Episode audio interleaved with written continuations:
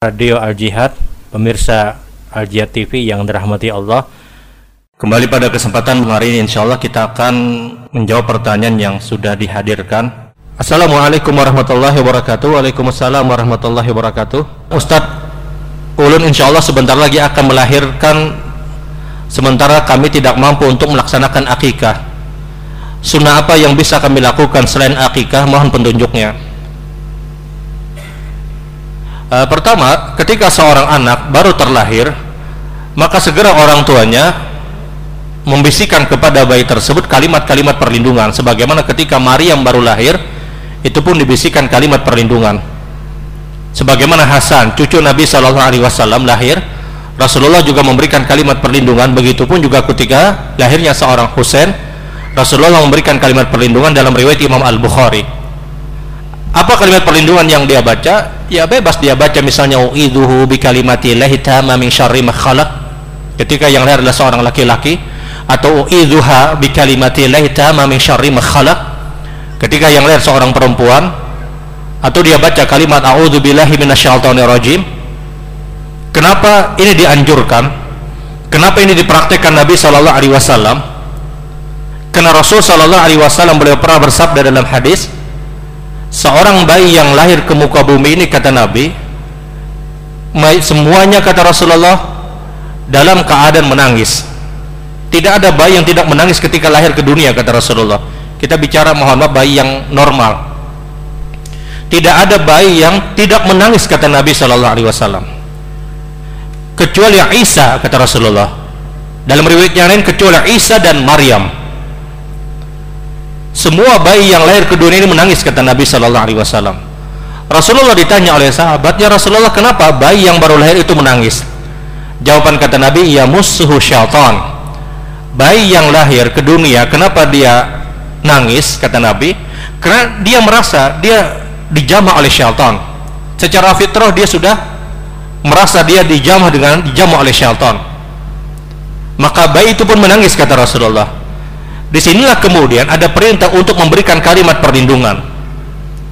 Kalimat perlindungan misalnya auzubillahi minasyaitonirrajim atau uidhuhu bi kalimati la min syarri ma sehingga sunnah dari sunnah rasul untuk memberikan kalimat perlindungan.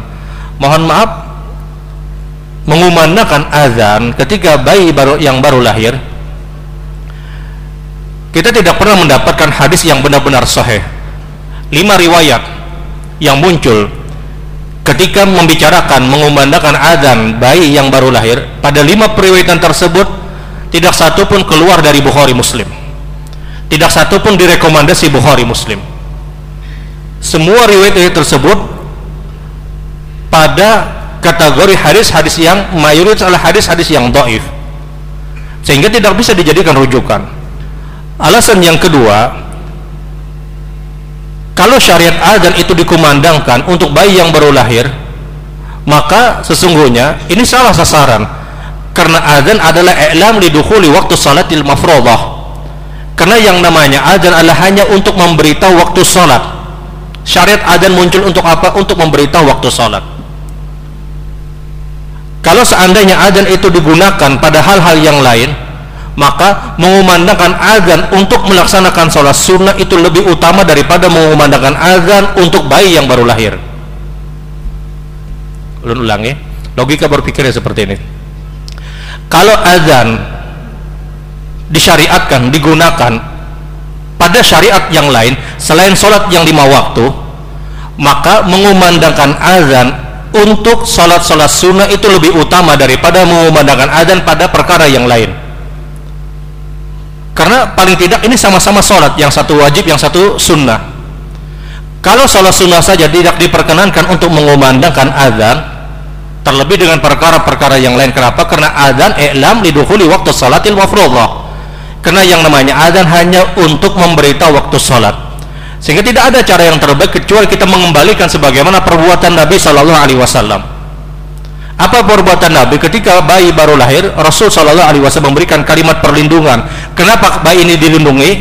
Karena ia musuh syaitan kata Rasulullah. Karena dia merasa dia dijamah oleh syaitan.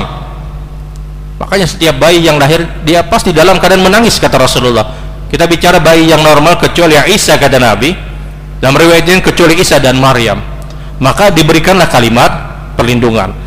Kemudian apalagi yang diperintahkan ketika bayi tersebut lahir setelah dia memberikan kalimat perlindungan dia punya pilihan untuk mentahnik. Silahkan. Mengambil kurma kemudian dia lembutkan dalam mulutnya. Dia punya kemudian dia ambil kemudian dia masukkan ke langit-langit bagian atas untuk bayinya. Kemudian dia melakukan sujud syukur. Bersyukur kepada Allah subhanahu wa ta'ala. Kemudian apa? dia bisa langsung untuk tasmiyah. Dia beri nama anak tersebut dia beri nama anak tersebut sebagaimana ada satu sahabat Nabi Shallallahu Alaihi Wasallam datang kepada Rasulullah. Kemudian dia katakan ya Rasulullah saya tidak punya kemampuan untuk melaksanakan akikah saya tidak punya kemampuan untuk melaksanakan akikah ya Rasulullah. Samihi ya Rasulullah berikan nama saya berikan nama bayiku ini ya Rasulullah.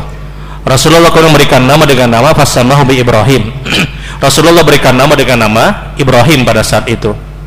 Ya dia berikan nama kemudian dia berdoa agar mendapatkan keberkahan dari Allah subhanahu wa ta'ala wallahu alam. Pertanyaan yang berikutnya Assalamualaikum Waalaikumsalam apakah ayah tiri itu wajib untuk memberikan nafkah kepada anak tirinya? Mohon penjelasannya. Ayah tiri apakah wajib untuk memberikan nafkah kepada uh, anak tirinya? Tentunya tidak dihukumi wajib. Tidak dihukumi wajib. Terlebih ketika dia masih punya ayah kandungnya.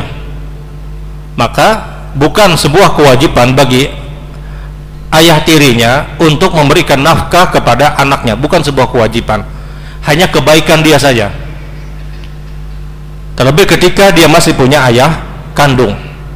Maka ayah kandungnya yang memberikan nafkah kepada anaknya. Tidak dia berikan dalam artian tidak dia e, kewajiban dia tidak dia terhilang-hilang misalnya disebabkan karena dia berpisah dengan istrinya tidak. Dia tetap memberikan nafkah kepada anaknya. Tapi kepada istrinya mantan istrinya maka tidak diwajibkan. Ayat tiri apakah diwajibkan? Tidak diwajibkan.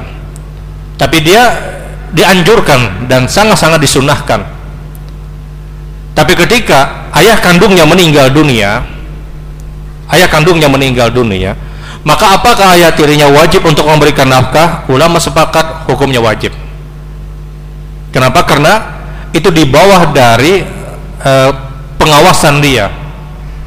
Kecuali anak tersebut sudah balik dia sudah bekerja dan yang lainnya sudah lepas kewajiban ayah tirinya wallahu alam